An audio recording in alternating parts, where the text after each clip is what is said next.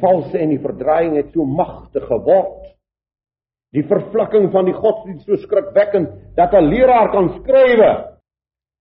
Dis nie te sê dat 'n ANC lid nie 'n gelowige is. Jy kan jy sulke snert glo.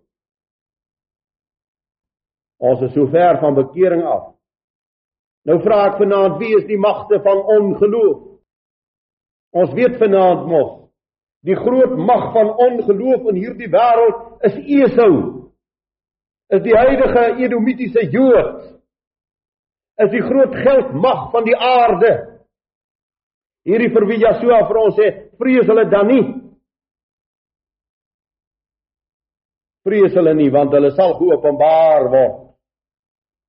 En hierdie maghebbers van die aarde sal na die berge vlug en sê, berge val op ons en hemels bedek ons voor die aangesig van hom wat op die troon sit en voor die toren van die lam.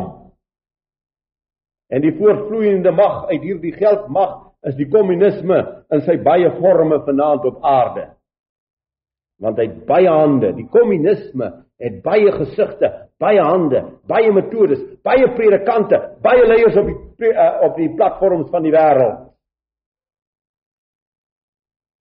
En hierdie magtige kommunisme so genaamd nou het hy sy mure afgebreek. Hy is so magtig Hy sit binne in ons sitkamer binne in die televisieskerm en ons luister nou na die kommunis.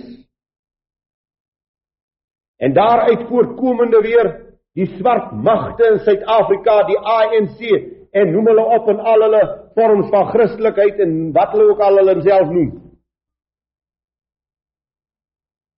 En hulle nou al sulke vroom gewaarde. Ek hoor hierdie een vergeet nou die aand al in sy belydenis begin huil op die televisie. Ja. Hulle sal nog so oor weer huil in hulle valsheid en hulle verskriklike skyn. Want hulle het nou so vroom geword. Hulle doen mos nou aan mekaar belydenisse. Dan is hierdie ene ou biegvader en dan's daar een weer 'n ou biegvader. En so bely hulle nou mekaar se sondes vir hulle. As dit nie die NG Kerk is nie, dan is dit moet te lees nie, maar hulle gaan nou bely. Want dan is hierdie een God en is daar een weer God. Maar wat 'n spel speel hulle met die begrip naaste? En dat die kerk nie verstaan wat Yeshua in Matteus 10 vers 34 sê nie. Moenie dink dat ek gekom het vir vrede nie. Ek het gekom vir verdeeldheid. En dan kom ons uit al hierdie magte, dan kom ons by die dan kom ons by die ongelowige magte vanaand in toga en in witdas. Humanis en liberalis vyand van die volk van God. Maar so listig en so duiwels. Sê Paulus dan nie, die Satan sal hom openbaar as 'n engel van die lig nie. En hoe ver is ons vanaand oorgeneem deur hierdie valse lig? Dat sonde is nie meer sonde nie.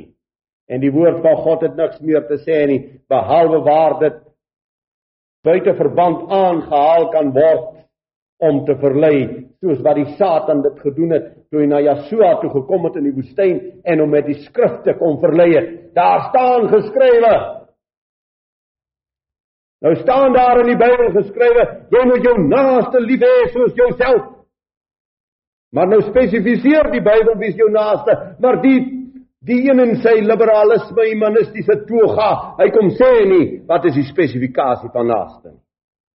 Hy sê net jy moet jou naaste lief hê en my arme volk wat nie meer kennis van die skrif het en ook nie meer die spesifikasies van die Bybel het nie, hulle glo maar wat die dominee sê.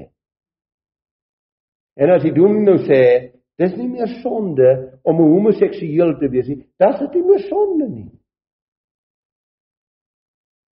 En as die staatspresident sê dit is die sonde om te meng in 'n huwelik nie, dan is dit nie meer sonde nie. Want hy lees nie die Bybel nie. Ek meen hy lees die Bybel deur die kerk se bril, maar nie deur God se oë nie.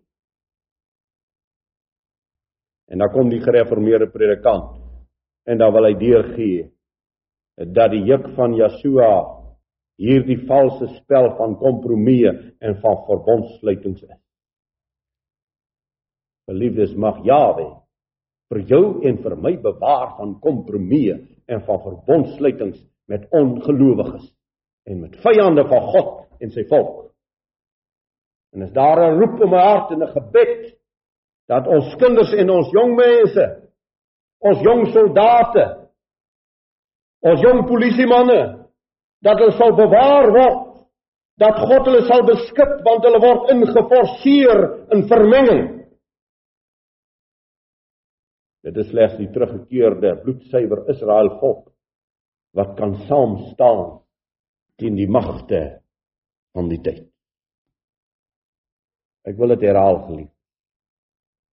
Dit is slegs die uit God gebore bloedsuiwer Israeliet wat hom kom plaas in die eenheid onder die juk van Yeshua. Onder hierdie verlossing, onder die korrekte ware verlossing. Nie onder die valse verlossing nie, onder die ware verlossing wat kan saam staan teen die magte van die tyd. En ek wil nou vanaand sê en ek lees dit in sy Bybel. Hy sê as hy die tyd nie sal verkort nie, sal daar geen een gered word nie sal daar geen regverdige oorbly nie. Sal daar geen suiwere oorbly as hy die tyd nie gaan verkort nie. So u en my Vader gaan ter wille van die oorblyseltjie in hierdie wêreld wat aan hom behoort en wat in hulle harte 'n stem hoor. En in hierdie tyd roep ek na God wat ontrus is en verontstig is deur die tyd waarin hy leef en die dinge wat hy hoor. God sal op magtige wyse ter wille van hierdie klein getal ingryp op die aarde. Geliefdes, hy beloof dit. Ek het die tyd om nou al daardie pragtige, magtige profeseë vir u te lees nie. Hy sal ingryp ter wille van hierdie klein oorblyfsel van hom. Hy sê en ek gaan net een ou stukkie uithaal. Hy sê aan die gemeente Philadelphia ter wille van die nuwelinge wat vanaand hier sit. My vriende luister baie goed. Hy sê aan die gemeente Philadelphia wat beteken broederliefde. Dit wil sê broers wat mekaar liefhet. Hy sê ek sal julle bewaar vir die groot benoudheid wat oor die aarde kom omdat julle my naam nie geloon het nie. Daarom gebruik ons die heilige naam van ons Vader. Ons wil nie sy naam loon nie. Nie as deur die uitspreek van sy naam nie. En omdat julle my woord bewaar het sal ek julle bewaar vir die groot benoudheid wat oor die aarde kom.